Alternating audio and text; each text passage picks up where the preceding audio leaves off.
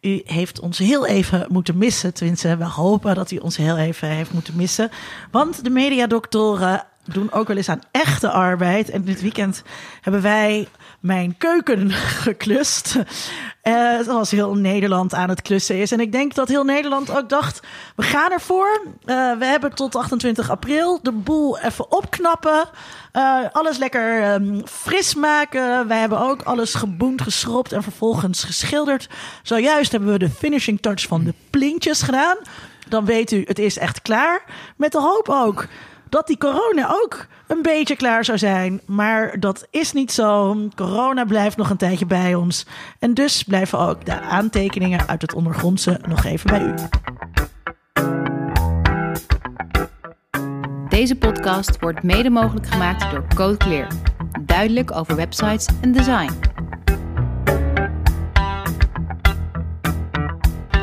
Vanuit Amsterdam is dit Onder Media Doctoren, de podcast waarin communicatiewetenschappers zich verwonderen over de media.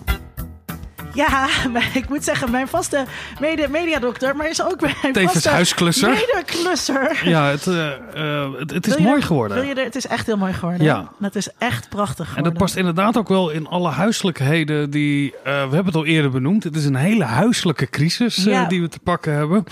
En ik zag ook dat alle textielbakken bij mij in de buurt eh, vol waren. Want iedereen is ook... De eh, gemeente als, heeft eh, al de- een oproep gedaan. Ga niet meer naar de bak. Ja, dus ik heb al mijn, eh, mijn jasjes, en ik had er een heleboel zoals je weet. eh, ik heb er zeker een stuk of tien eh, gedoneerd. Toch in de bak geduwd. Toch in de bak geduwd. Ja. Eh, ik wil niet zeggen dat dit een omkering is in het leven. Maar je ziet wel om je heen, ook bij het grof huisvuil, dat mensen echt eh, aan het kuisen slaan. Ik zat gisteren op een bankje op de gracht. En eh, op de gracht eh, stond zo'n bovengrondse restafvalcontainer. Wat heel uniek is. Want eigenlijk moeten wij in het centrum eh, de vuilnis gewoon op straat zetten. En eh daar kwam een man. Echt met zijn grof vuil. En die ging dat ook met onmogelijkheid die bak induwen. Wat een heel interessant spektakel maakte. En voor de rest maak ik niks mee in het leven. Nee, maar mensen zoeken toch daar de, eh, grijpen de kansen waar, waar je ook mee begon. We dachten toch, ook in mijn hoofd was het 40 dagen, weet ik nog. Want ik dacht zo, ach, zo rond de paas en 40 dagen, dat is een mooi bijbels thema. Dat we ook een beetje gaan nadenken over wie we zijn in een goede katholieke traditie. Maar ja, die 40 dagen die waren natuurlijk bedoeld voor eh, die verinnerlijking die we dan allemaal aangaan. En daarna gaan we weer het wereldse leven Ja. in. Maar vind je, denk je, vind je ook dat dat klussen, dat dat, eh, dat, dat louterend werkt? Nou, ik, heb, ik denk, ik weet niet of het typisch Nederlands is. Ik wil heel graag heel weten typisch. Ik weet, of ik in weet Duitsland of in België dit Ik- ook ik- gebeurt. Ik weet bijvoorbeeld dat in Amerika ze helemaal niet zo van het doe-het-zelf zijn. Eh, en dat dat eh, daar ehm, ook met van die home makeover programma's dus ook wel gestimuleerd eh, wordt. Want daar willen bouwmarkten natuurlijk ook geld verdienen. Maar daarvan weet ik dat wij wel echt ehm, koploper zijn qua, qua klussen. Wij vinden dat leuk. Maar het is echt wel, de, ledigheid is des duivels Ik oorkussen. weet bijvoorbeeld ook dat in eh, Groot-Brittannië, als je daar een huurhuis hebt, dan doe je daar niks aan. Dat ga je eigenlijk niet schilderen. Daar neem je geen nieuwe gordijnen of een nieuw tapijtje erin. Want het is ook het veel vaker gemeubileerd, hè, wordt dat Ja. verhuurd. Ja, en bij ons is het toch ook gewoon ook gebruikelijk als je een huurhuis ingaat, dat je dan de boel gaat schilderen. Ja, ja, dat is het je eigen maken. Maar ik denk in, juist in deze periode is dat het... Ja, we willen het toch nuttig besteden Nou, ik met denk z'n ook allen. omdat dit dus samenviel met de lente. En Oh in ja, de lente grote iedereen- voorjaars, Ja, grote eh, voorjaars schoonmaken. Nou, dan, dan witten we de boel ook maar meteen even. Ja, nee, dat, dat, dat, ik, ik vraag me wel af, gaan we dit volhouden dan? Nou, ik hè? denk we Blijven, wel gaan, we nog meer, zijn. gaan we nog meer? Ik denk wel dat alle cafés er fantastisch uitzien. Want niet alleen mensen thuis ja. zijn aan het klussen, maar ik zie ook Ja. alle horeca die dus even flink schoonmaken en nieuwe verlichting. En, En eh, had je niet verwacht dat eh gisteren bij de kerstpersconferentie die gisteren, gisteren was het eh, dinsdag 21 april, eh, dat bij de persconferentie van gisteren gezegd zou worden: horeca mag eh, zolang gasten anderhalve meter afstand van elkaar houden, zodat de horeca toch wat bij kan verdienen in plaats van alleen maar uit het raam verkopen zoals ze nu doen. Ik, nou, ik had niet gedacht dat dat al aangekondigd zou worden dat het een bepaalde datum zou zijn. Ik had wel verwacht van, goh, ga daarover nadenken. En dat dat wat meer benadrukt zou worden. Van, goh, grote krankcafés, die kunnen misschien wel iets. Ga Ja. daar, eh, wees daarmee bezig. Ondernemers zijn er ook mee bezig. Uh, plexiglas is volgens mij nu ook een enorm gewild item. Ja, daar heb ik mijn Omdat, aandelen in. Uh... Dat lijkt mij. heb jij aandelen? Nee, maar daar zou ik mijn aandelen in. Nou ja, dat, dat, om daar in ieder geval een, een, een vooruitzicht te stellen. Want het wordt natuurlijk op deze manier wel heel erg treurig. Ik las dat één op de zeven ondernemers in de horeca eigenlijk al op wankelen staan. En als het nog langer doorgaat, dat het zelfs één op de drie is. Ja. Dat betekent dat het straatbeeld ook na deze crisis zal veranderen. Dat, dat, dat vind ik heel erg triest. Ik, ging uh, gisteren een burger halen bij uh, Brasserie Blazer, waar wij ook graag uh, op het terras zitten, wat nu dus helaas niet kan. Um, en dus ik was even aan het kletsen met die, met die mensen daar. En die verkoop die zij nu daar doen, ehm, dat betekent dat ze daarmee ongeveer evenveel verdienen als wat ze aan steun van de overheid zouden krijgen.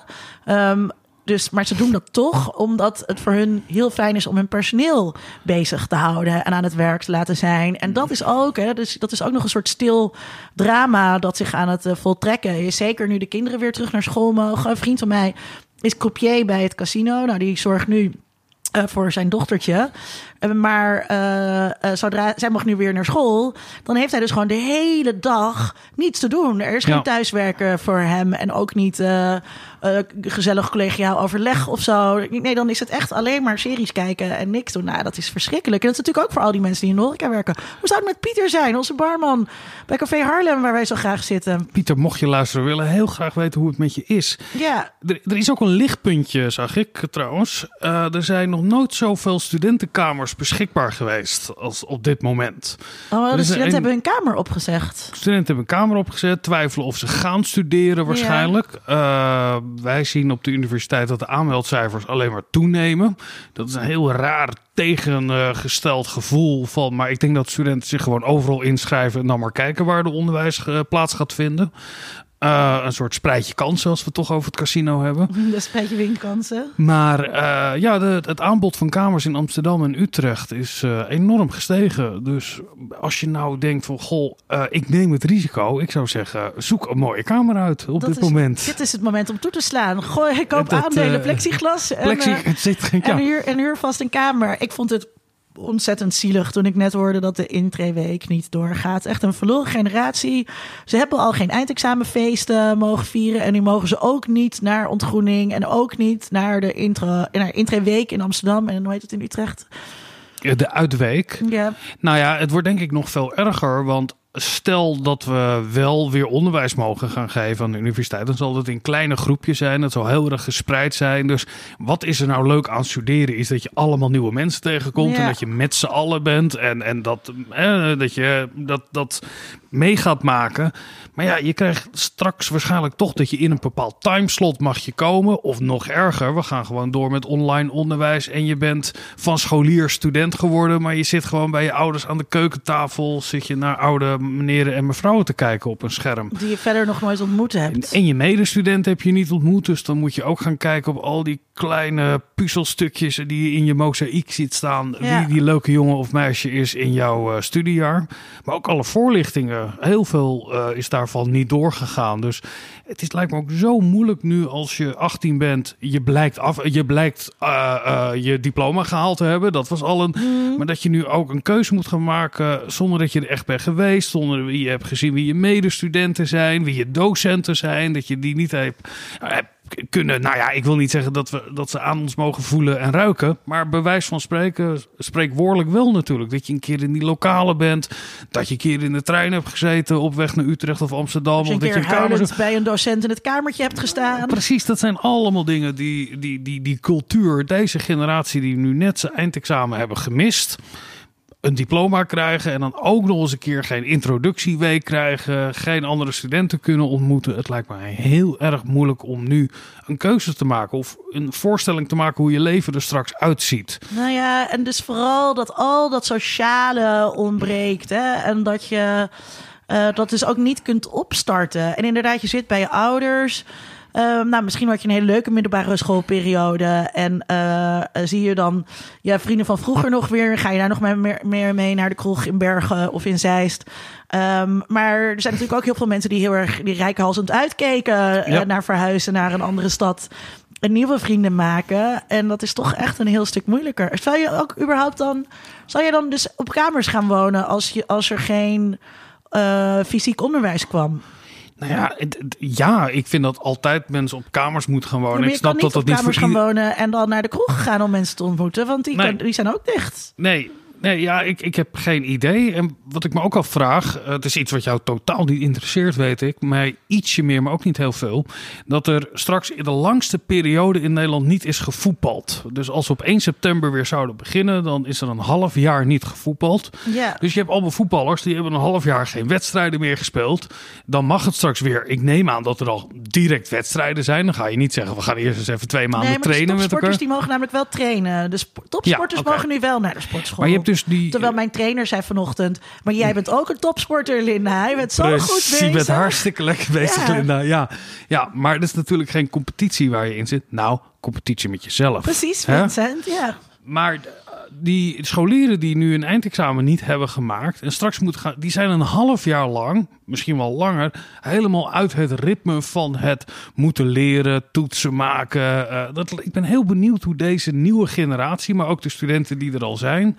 die straks echt een lange periode eruit zijn geweest... en al die routines kwijtraken. ja. Ik merk het al aan, eh, aan docenten in mijn omgeving, die nu natuurlijk voor de camera moeten lesgeven. Dat is een totaal andere tak van sport, om maar eens die vergelijking eh, te maken. We hebben er wel eens eerder iets over gezegd. Maar hoe gaat dat straks weer om weer in de normale ritme te komen? Ja. En dan zeggen we straks, maar 60 dagen geleden zeiden we ook straks. Of 60 dagen geleden zeiden we over 40 dagen. Drie weken geleden zeiden we nou nog over drie weken. Dus dat idee dat steeds verder weg begint te liggen. voordat we weer die dingen kunnen doen die we fijn vonden om te doen. En dan maar de vraag of het nog hetzelfde zal zijn als toen. Moeilijk. Ik vind het eh, een onuit. Het is een grote onzekerheid. Maar met mij gaat het overigens ontzettend goed. Nou, goed om te horen. Nou, ik, eh, ik, ik was echt gisteren... ik was echt eh, een beetje uit het veld geslagen. Ik had niet verwacht hoor dat... ehm, dat de horeca weer open zou gaan of zo. En ik wist natuurlijk al dat festivals afgelast gingen worden.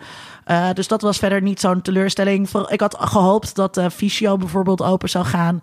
Ehm, eh, want eh, daar, daar wil ik wel echt heel graag naartoe. En ik ken mensen die shit gebroken hebben. Die echt de fysio nodig hebben ook. Ja. Want ik vind dat heel raar ook dat dat niet mag. Die kunnen toch ook gewoon met mondkapjes. Die mensen zijn eh, enigszins medisch geschoold. Die kunnen echt wel goed met een mondkapje omgaan. Vind dat heel raar. Eh, ik had gehoopt dat de kapper over zou gaan. Nou ja, dat is niet zo. Prima, mijn haar wordt lang.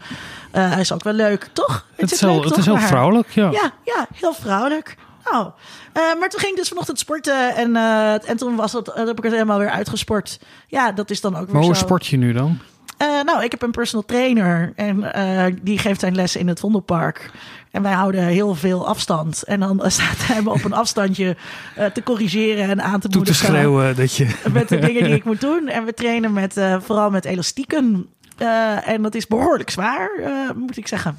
Ja, ik zie het heel veel hoor. Dat mensen. Ik vind het ook wel mooi om te zien. Dat Het is- mensen dat, maar dat, het is dat zo- bewegen en sporten. En, Ik, eh, ik dacht dus gisteren echt zo, nou, alcohol is het enige wat ons nog kan redden. Ehm, maar ja, ik moet eerlijk zeggen, het is lekkerder om deze crisis eh, fit in te gaan. En ik ben echt nog nooit zo fit geweest en nog nooit zo braaf geweest. Elke zondag om zeven uur wakker in plaats van dat ik om zeven uur ga slapen. Eh, maar ik denk ook, ehm, ja, heel veel drinken deze crisis, dat is ook een slecht idee. Heb je daar nou een idee over? Laat ons op weten of maak een reportage over het alcoholgebruik bij jou in huis. ik wil nog iets anders zeggen over de persconferentie. Wat Oh, ja. mij opviel, is hoe ontzettend moeilijk het is om een goed bestuurder te zijn. En het is een ontzettende open deur. Maar je hebt een maatregel bedacht. En dan krijg je altijd de vraag: ja, maar hoe zit het dan met die? En hoe zit het dan met die? En die economische steunmaatregelen, of wie mogen wel eh, weer aan het werk of niet? Hoe ontzettend blij wij mogen zijn dat wij een heel erg professioneel ambtenarenapparaat hebben. Want dat is in Nederland echt op een heel hoog niveau. Ja, dat, dacht dat, ik vandaag ook aan. dat dat functioneert. En als je ziet ook hoe die steunmaatregelen. Tuurlijk, er is nog een heleboel fout. En er vallen mensen tussen wal en schip. En er zijn een heleboel. Maar daar wordt dan eh, ook redelijk snel wat aan gedaan. Bijvoorbeeld de tattoo-artist, eh, die, vielen de, die vielen buiten de boot. En toen heeft Peter Quint, die sowieso fantastisch is, eh, daar kamervragen over gesteld. En dan wordt er wat geregeld voor die mensen. En ik vind dat dat heel. Eh, wat ik hoor is dat het heel snel gaat. Maar ook de regeltjes die erover zijn. En de communicatie daarover.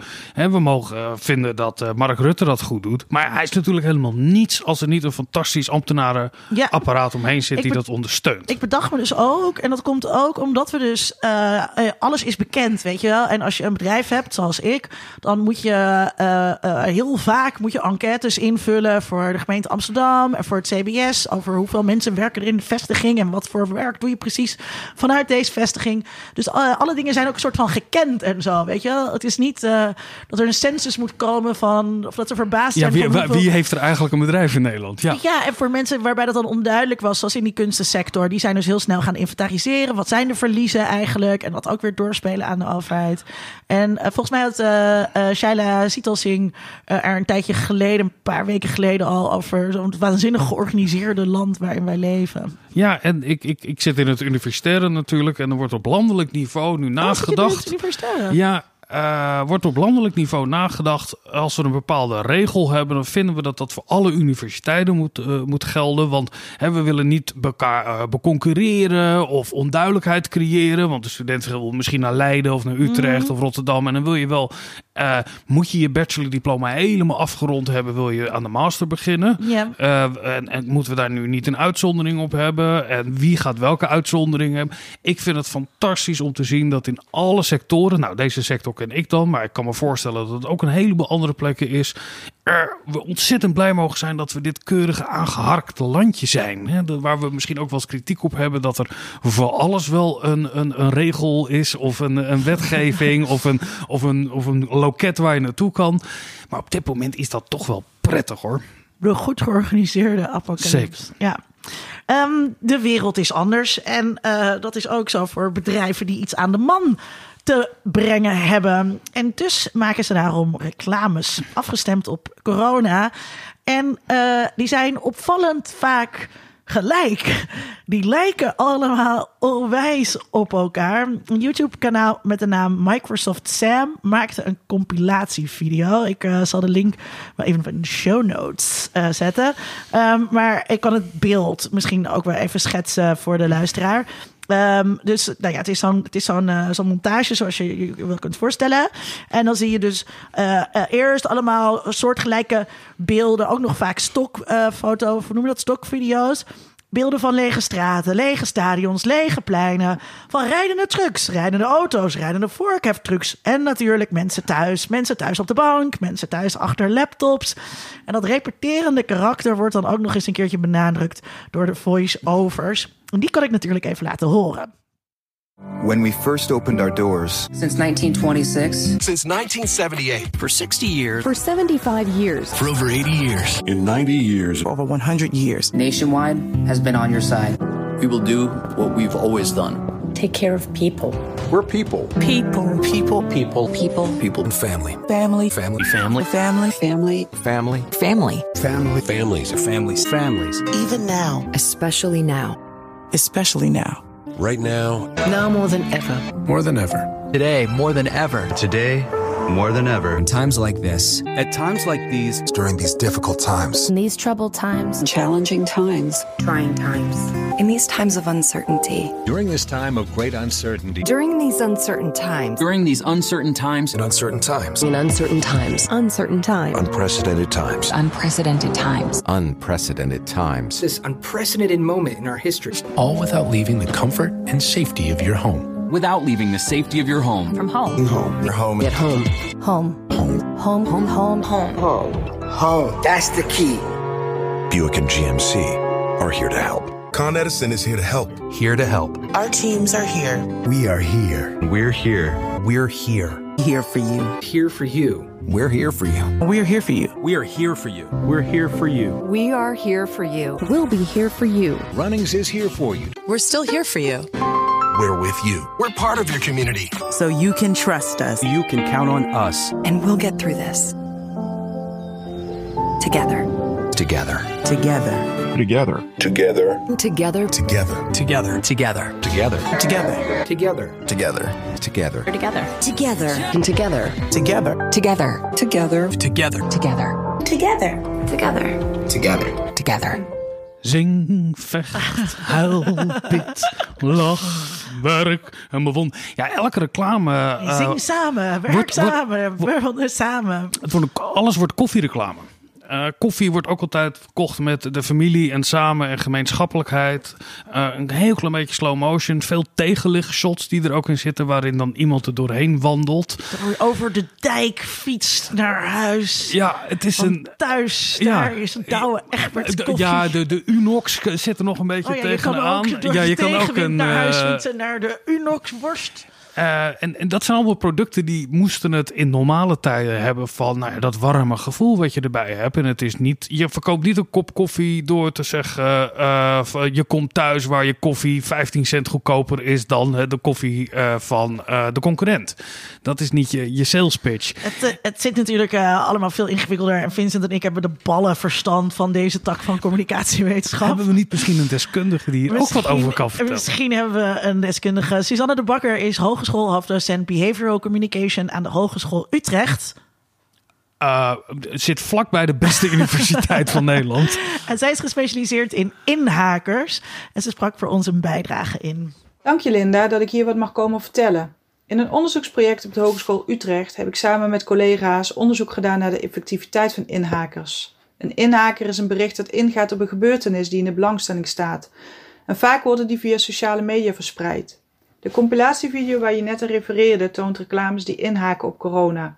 En ondanks dat deze reclames meer gewone reclames zijn en toch niet helemaal aansluiten bij de definitie van de inhakers, wil ik deze reclames toch langs een aantal wetenschappelijke theorieën leggen om aan te tonen dat ze de budgetten die er nu aan worden besteed beter voor iets anders gebruikt hadden kunnen worden. Want echt effectief, dat lijkt ze toch niet te zijn. Een eerste kenmerk die de effectiviteit van inhakers beïnvloedt is het moment, het coronamoment. Merken kunnen namelijk op voorspelbare en op onvoorspelbare momenten inhaken. Voorspelbare momenten zijn gebeurtenissen die ruim van tevoren bekend zijn en waarvoor een inhaker dus gepland kan worden. Denk aan feestdagen, vakanties, grote landelijke evenementen. Onvoorspelbare momenten zijn gebeurtenissen die niet te voorspellen zijn en daarom niet of nauwelijks van tevoren gepland kunnen worden, zoals actualiteiten en trending topics. Uit ons eigen onderzoek blijkt dat merken vooral inhaken op voorspelbare momenten. Maar inhakers op onvoorspelbare momenten lijken effectiever dan inhakers op voorspelbare momenten.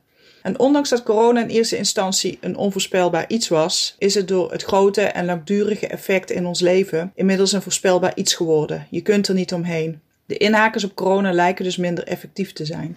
Ook draaien inhakers om timing, is het tweede kenmerk dat van belang is. Ons onderzoek toont aan dat inhakers op voorspelbare momenten, die dus inhaken op de dag zelf, significant meer reacties krijgen dan inhakers die eerder of later geplaatst worden. Tevens blijkt dat een inhaker die terugblikt op een moment meer reacties oplevert dan een inhaker die vooruitblikt. Omdat we nog midden in de coronacrisis zitten en we er voorlopig ook nog in blijven, zijn alle reclames wat dat betreft relevant te noemen. Goede inhakers sluiten aan bij het moment waarop ingehaakt wordt en bij het merk van de inhaker zelf. Deze match wordt in de literatuur ook wel congruentie genoemd. Dit is het derde kenmerk dat van invloed is op de effectiviteit.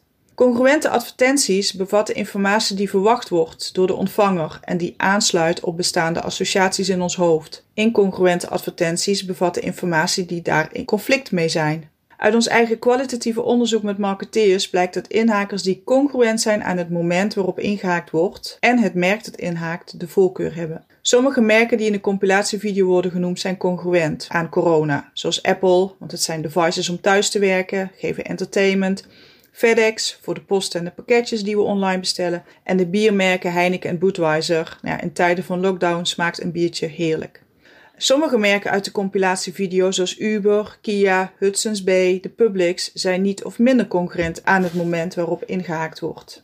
Toch is het effect van congruente reclames vaak beperkt. Het blijkt namelijk dat deze advertenties snel weg ebben uit ons geheugen, omdat ze oppervlakkig verwerkt kunnen worden. Zulke conclusies uit onderzoek lijken het succes van de inhakers van Apple, FedEx, Heineken en Budweiser in de weg te staan. Ze worden wel positief ontvangen door ons, maar de advertenties lijken in het geheugen van mensen geen lang leven beschoren. Tel daarbij op dat inhakers inhaken op een verwacht moment, waarvan we al geconcludeerd hebben dat die inhakers ook minder effectief zijn. Die effectiviteit werkt anders bij de incongruente advertenties, waarbij er een conflict optreedt met het merkschema van consumenten. Ze passen niet bij de associaties in ons hoofd. Onderzoeken geven aan dat consumenten houden van puzzels oplossen en dat advertenties met incongruente elementen een puzzel zijn die mensen niet kunnen weerstaan. Dit betekent dat deze advertenties met meer aandacht verwerkt moeten worden. Uit onze eigen experimentele studie blijkt het ook zo te werken. De inhaker zelf kan de associaties van het merk en het moment samenvoegen en de incongruentie laten verdwijnen.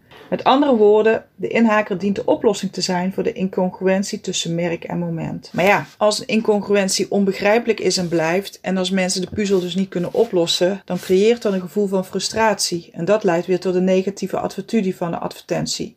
Doordat de merken in de compilatievideo hun hulp in deze onzekere en moeilijke tijd aanbieden, proberen ze de incongruentie op te lossen. Maar het blijft bij sommige merken toch lastig om precies te weten wat hun hulp dan voor ons biedt. Ik denk bijvoorbeeld aan automerken, terwijl je binnen moet blijven. Hier blijft de incongruentie bestaan en deze reclames blijken minder effectief te zijn.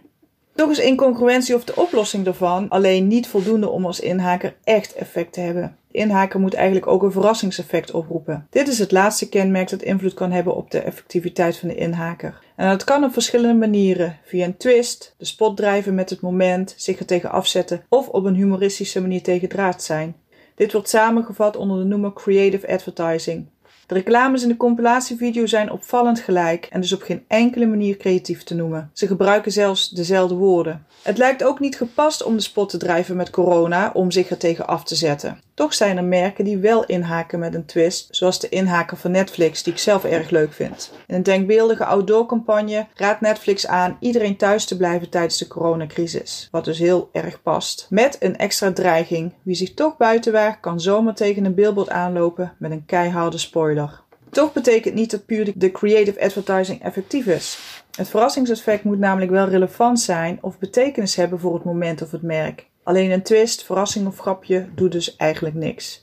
Dit betekent dat creativiteit op zichzelf dus niet zegt, als het niets met de boodschap van de advertentie te maken heeft. Lidl bijvoorbeeld probeert het met woordgrapjes, zoals geef elkaar met winkelen de pruimte, met een plaatje van een pruim erbij. Zo proberen ze een verrassingseffect teweeg te brengen, maar de relevantie hebben deze grapjes absoluut niet. Ze worden, met name op Twitter, dan ook echt als stenen krommend ervaren. Als je met je reclame dus niet echt onderscheidend bent, dus niet creatief bent, bespaar dan je geld. Dat kan echt beter besteed worden. Dank jullie wel voor jullie aandacht. Ja, Suzanne zou eigenlijk te gast zijn in de aflevering die we afgelopen maandag in de reguliere programmering hadden staan over uh, die inhakers.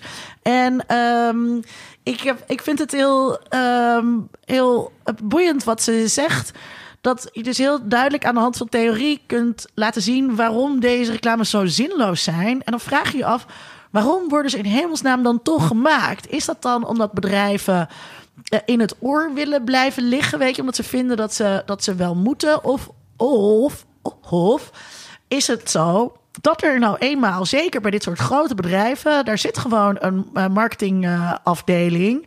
Um, die maken reclame. En uh, ja, die mensen die zijn nog steeds aan het werk. Uh, en hun ding is altijd reclames maken. Dus ook nu. Ja, dat is een hele pragmatische verklaring uh, ervoor. Nou, maar wat denk je? Maar denk je niet dat dat dus ook een beetje in het kader van David Graeber's uh, bullshit jobs, weet je, die mensen die werken nou eenmaal, dus die eter moet gevuld worden. Nou, er valt mij op, uh, want ik kijk nog wel broadcast televisie. Maar mensen bij een reclamebureau die gaan ook niet zeggen tegen hun klanten, nou we hebben van Suzanne de Bakker geleerd uh, dit en dit en dit. Uh, beter maken we nu even geen reclames. Nee, die gaan zeggen, uh, natuurlijk moet je nu nog nee, present het, zijn. En haak vooral aan bij... Ik, ik, ik, kijk nog wel broadcast televisie. En wat mij opviel is dat, we, dat er nu reclamemakers zijn... die je normaal nooit op primetime uren ziet. Dus een soort telcelachtige dingen zie je nu opeens op primetime voorbij komen. Dat betekent dat de prijzen gewoon enorm gedaald zijn. Dat kan ik niet bewijzen, maar ik zou wel eens werkje bij bij de Ster of bij IP. Ik ben gewoon heel erg benieuwd. Want ik denk dat er gewoon veel minder reclame gemaakt wordt nu. En dat de campagnes stopgezet zijn. Maar je Maar dat kan komt, ook vanuit, heel veel... dat komt vanuit bedrijven. Die houden, die Ja. houden de hand op de knip. Dus Dus dat- Behalve die hele grote. Ja, en, maar ik denk dat een soort positieve brand awareness die je kan creëren. Ik zag eh, iets voor een drogisterij waarin de werknemers zeggen ook in deze tijden zijn we, dat doen we vooral door onszelf te blijven. Maar de hele esthetiek van die reclame was helemaal gebaseerd op wat wij nu kennen uit die dappere strijders in het ziekenhuis. Dat waren een soort hulpverleners. Want een drogisterij zit ook een beetje op de grens van een beetje ziekenhuisapotheek, maar dan voor iedereen toegankelijk en je kan er ook gewoon drop kopen. Eh, dus zij, gingen zich in het narratief dat, dat als onderdeel van de zorg presenteren. Dat vond ik heel slim gedaan, want daar wordt natuurlijk heel positief nu over nagedacht. Kruidvat was het, meen ik. Ehm, en En, dan, maar dan, en dan, dan is er heel erg veel congruentie ook met corona dus. Precies, want je gaat er ook heen als je last van je keel hebt of ziek zijn. Dus dat wordt een soort indirecte associatie. Die congruentie eh, wordt op die manier daarin eh, gezocht. En je ziet bij de Albert Heijn en de grote supermarkten natuurlijk, die ook heel erg eh, inzetten op.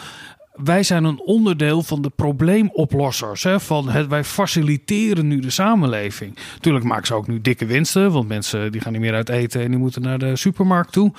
Uh, op die manier zie ik dat wel uh, gebeuren. Wat ik interessant vond, want wat er gezegd werd, is op het moment dat je een soort puzzeltje gaat aanbieden, omdat er een soort uh, dat het niet vanzelfsprekend is dat een merk en gebeurtenis bij elkaar aankomen. Uh, ja, dat is bij Netflix dan grappig. Maar wanneer is iets te vroeg? Hè? Je hebt het, we hebben het ook over humor wel eens gehad. Wanneer mogen we dat spel uh, nu gaan spelen rondom... We hebben het gehad over de Zwarte Piet discussie. Daar heb je wat inhakers gehad. Maar wanneer zeg je nou... We, we kunnen ook een grap maken over corona als adverteerder. Ik denk dat het daar nog veel te vroeg voor is. Ik zag uh, op een gegeven moment bij mijn Albert Heijn... dus dat was niet zozeer... eh, ja, het, was, het hing in de eten dus het is wel een beetje reclame, maar volgens mij hadden ze het zelf bedacht. Hadden ze um, haken opgehangen met wc-rollen uh, eraan. Van uh, hier kunt u een paar velletjes uh, pakken. mocht u thuis in een probleem komen. En dat was wel, dat was wel een inhaker op de wc-papiergrap. Ja. En die vond ik heel aardig gedaan. Ja, ik zag bij Café Steven stond in het raam allemaal flesjes corona met daarin een vlaggetje met sorry. Dat was al een week of drie geleden. Ja. Vond ik op het randje. Dat ik denk, nou, is dat nou de bedoeling? Een beetje flauw ook. Ja, het is ook heel erg. Iedereen die nu nog met een flesje corona op de foto gaat met Ja. hi, hi, corona, die is af. Ja, die waren meteen eigenlijk al af. Maar eh, terug te komen op de- op de inhakers. We zien, en dat schetsten wij in het begin en ook in de compilatie. Je haakt in op het gevoel van eh, vertrouwen en warmte. En dat is natuurlijk wat reclames heel vaak doen. Dat ze, een aanbieden, ze bieden iets aan wat een probleem oplost. Dus als je koppijn hebt, dan heb je... eh, nou, Ze doen een belofte. Ja, dus als jij een saai leven hebt, dan koop je die auto. En dan ga je in je eentje over die prachtige wegen met een, eh, mooie man of vrouw naast je, ga je daar rondrijden. Dus nu biedt het ook een oplossing. Waar zitten we in? Ja, we zijn angstig. Mensen zijn alleen of voelen zich misschien onthecht van de wereld. Ja, dan krijg je alleen maar verhalen natuurlijk over. Als we dit over duizend jaar gaan opgraven en de context niet kennen, dan denken we dat we een hele liefdevolle hippie-samenleving hebben. Waarin mensen de hele tijd naar elkaar gaan zingen en, en, en dingen voor elkaar aan het En doen zijn. toch horen we de hele tijd de metafoor van de oorlog. Terwijl het buiten alleen maar stil is. Onze redacteur Frederik Tijlers vond daar wat van. Als regioverslaggever is mijn buik elke dag vol van coronanieuws. Al is het wel een bijzondere tijd om journalist te zijn. Je hoeft nauwelijks te zoeken naar nieuws. In crisistijd kun je van bijna alles nieuws maken. Van lokale restaurants tot hoe het gaat bij de brandweer.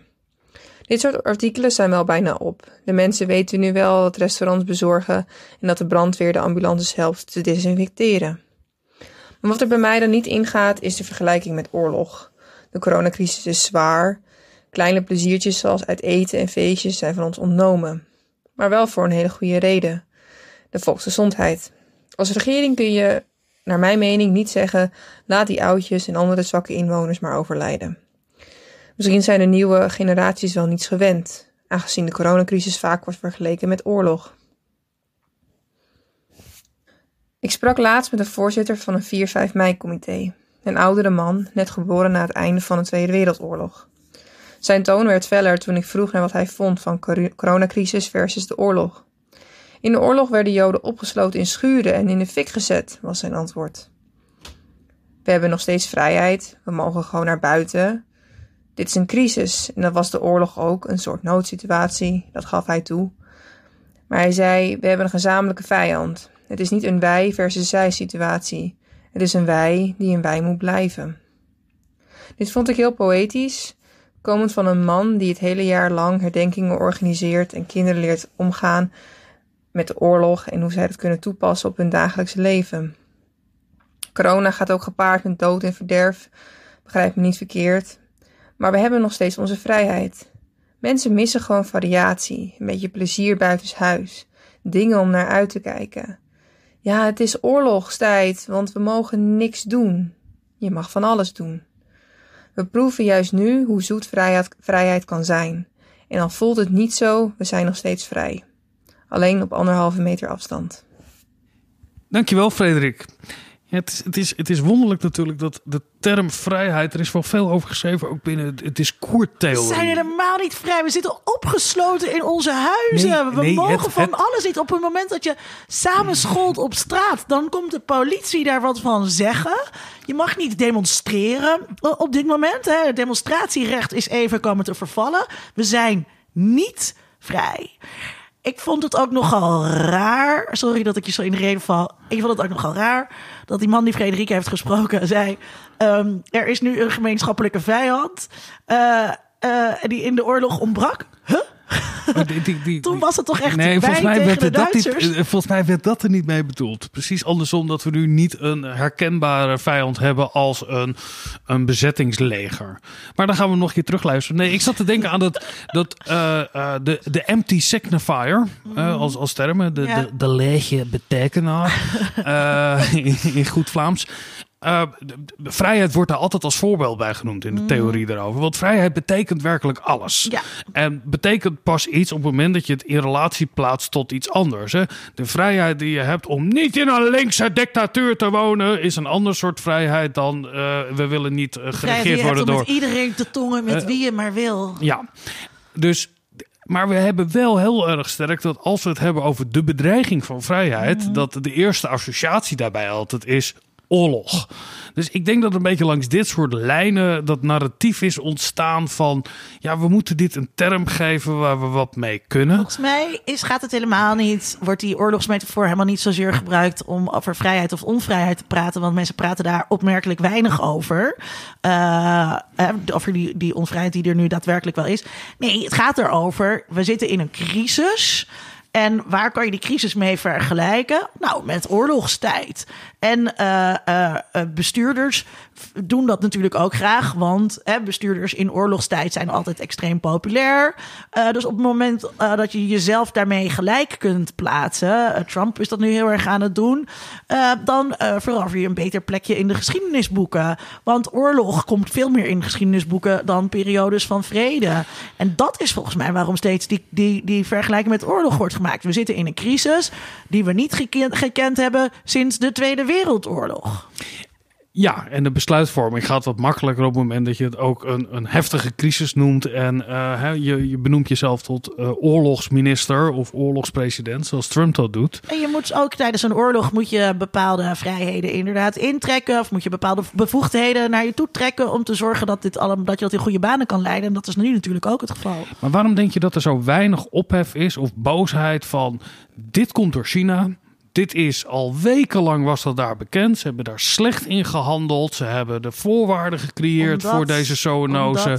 En ze moeten ervoor gaan betalen op zijn minst. Wij vervolgens precies hetzelfde hebben gedaan. Dus uh, uh, ook wij hebben de kop in het zand gestoken. Ook hier we hebben gedacht, nou, dit wijst wel over of het raakt ons niet. Of wij hebben miraculeus andere genen dan Laten de Chinezen. vol met mondkapjes naar China sturen. Precies. ja. Dus um, ik, ik denk dat je daar uh, het niet heel erg over hoort. Er zijn natuurlijk wel heel veel complottheorieën over China die nu de rond gaan. En de president van Amerika die moedigt dat ook heel erg aan. Die wil natuurlijk ook China en de World Health Organization de schuld geven. Maar ik denk omdat wij zelf ook zo faal, gefaald hebben in het erkennen van dit probleem in de eerste fase, dat je daar niet zoveel mensen over hoort. Ja, ik denk wel dat het gaat komen. Ik denk dat het langzaam Oh, ja. eh, Ja, eh, door gaat zijpelen en dat dit Ja. verder gepolitiseerd zou worden. En en, ik denk ook dat, dat mensen de balen krijgen van, eh, van de intelligent lockdown waar we nu in zitten. Ja, maar dat gaat makkelijker op het moment dat je ook een aanwijsbare vijand hebt. En ik zie het best wel gebeuren dat dat zich richt naar, naar China bijvoorbeeld als grote wereldmacht. Dat... Nou, maar je kan nu niet, ik bedoel, als je bijvoorbeeld, nee, ik denk het heeft dus ook niet eerder, zoveel zin om boos te zijn op China. Nou, maar ik denk dus eerder dat mensen. um, eh, weet je, wat ik zo raar vind, is dat de politie zo die studenten aan het beboeten was. die dan met hun huisgenoten zaten te eten in de tuin. Kijk, je hebt dat samenscholingsverbod. De politie moet dat handhaven. Maar die politie moet dat handhaven op mensen die dat opzettelijk overtreden. Van we malen, we hebben, we hebben scheid aan de regels. Weet je wel? Ik bedoel, dat, dat is het idee. Om te voorkomen dat er burgerlijke ongehoorzaamheid plaats gaat vinden. En dat is natuurlijk helemaal niet wat die studenten aan het doen zijn. Die zitten gewoon te eten met hun huisgenoten in de tuin. Dat is nou niet de opstand tegen het beleid van Mark Rutte. waarvoor je zou kunnen vrezen. Hè? Op het moment dat we apocalyptische films kijken. dan gaan al die mensen allemaal plunderen. Weet je, wel. dat zijn dingen die je moet voor, voorkomen. En dat begint bij dit soort regels breken. Dat is hier eh, helemaal niet aan de hand. Ehm, ik ben wel benieuwd of dat alsnog eh, gaat gebeuren. Of Ja. mensen dus, hè, hoe langer die regels eh, duren, of mensen nog zo gehoorzaam blijven als dat we nu zijn. Het Parool had daar een kop over afgelopen week. Eh, en het antwoord daarop is: we kunnen dat niet weten. De vraag was: hoe lang houden mensen. Ja, dat weten we dus niet. We, ja, dat moet je dus ook niet afvragen. We kunnen alleen maar eh, eh, zien wat er gaat gebeuren. En dat is wat we in deze podcastreeks doen. En op het moment dat die burgerlijke ongehoorzaamheid komt, dan gaan we die ook bespreken. Of op een gegeven moment hebben we misschien helemaal geen zin meer om deze corona-afleveringen te maken. En dan gaan we gewoon weer andere dingen doen. Dat kan ook. Ik, ik vraag me heel erg. Het, idee dat we nu politie hebben en dat we dat gaan monitoren. En ik zag ook dat er in eh, New York was er een eh, kliklijn geopend. Kon je foto's sturen naar een bepaald nummer eh, om te, waar dat dan misging. Of repressie hier gaat werken op langere termijn. Eh, en moet je die repressie dan opvoeren op het moment dat er niet meer eh, mensen eraan gaan houden? Nou ja, Rutte deed natuurlijk in de perscall van gisteren heel erg eh, bedankt dat u zich zo goed aan de regels houdt. Dus we kregen allemaal een, een ei over onze bol. Ja. En dat is vaak effectiever dan repressie. Moeten we het nog hebben over de eerste vraag tijdens de Nee, persconferentie? Nee, dat is al helemaal uitgekoud op Twitter. Daar Dat- gaan we het niet over hebben. Nee, dat is echt boring. Ik, nou, ik vond het wel. Ik, ik, de- de- ik las laatst erover dat het ja, ik wil het heel graag over hebben. Want laat ik, ik jou praten, reageer ik gewoon niet. Ja, dat, dat er iemand schreef op Twitter. Ja, je moet soms gewoon een hele domme vraag stellen. Want dan krijg je een mooi quoteje eh, van, eh, in dit geval de bestuurder, de, de minister-president. Omdat je hem dan een beetje uit Je de tent weet te lokken. wat de domme vraag was, De want dat domme weten de nu. Eh, meer. de vraag was, we hebben ons... Nou, eigenlijk de strekking was, we hebben ons heel... U zegt dat we ons netjes hebben gedragen. En waar worden we? En we krijgen stank voor dank. Want de maatregelen worden nu niet teruggetrokken. Eh, nou, er zijn heel veel vergelijkingen gemaakt. Hè. Wil, wat wil je nou? Een lolly met een strik erom, omdat je je netjes eraan hebt gehouden. Eh, maar iemand anders schreef, ja, dat is een hele goede manier om in een persconferentie iemand een beetje uit zijn tent te lokken. Je snijdt je vraag eraf en dan komt die quoteje, weet je wel, die 20, 25 seconden dat iemand reageert, komt dan in beeld. Hebben wij nou zo'n ongelooflijke onprofessionele journalisten die niet doorhebben dat er op dat moment meer mensen zaten te kijken dan naar de uitzending van Peter R. de Vries met Joran van der Sloot, dat je die vraag gaat stellen? Of is dit gewoon een, een, een, een mag dit? Is dit een, go- een goede praktijk van het journalistieke? Nou ja, dat is, dat is dus. Ik dacht dat je niks zou zeggen. Maar je kunt dus ook bedenken dat, eh, we, dat het dus helemaal niet een domme vraag is, maar een strategisch, eh, strategisch domme vraag. En dat die kijkers gewoon te dom zijn om door te hebben hoe de journalistiek werkt. Ja, dat, ik, ik ben er ook nog niet over uit of ik deze journalist... eh, Ben je nou deze journalist en wil je het nader komen uitleggen? Je bent meer dan welkom om dat te doen bij ons. Als je wat wil laten horen aan ons, dan kan dat via Twitter of Facebook. Of je kunt ons ook mailen op ondermediadoktoren.gmail.com. Dank aan Marius Kooi, die de audio-nabewerking van deze aflevering heeft gedaan. En we zijn er dit weekend weer. Tot dan. Tot dan. Onder Mediadoktoren is een podcast van Vincent Kronen en Linda Duits. Meer informatie vindt u op ondermediadoktoren.nl.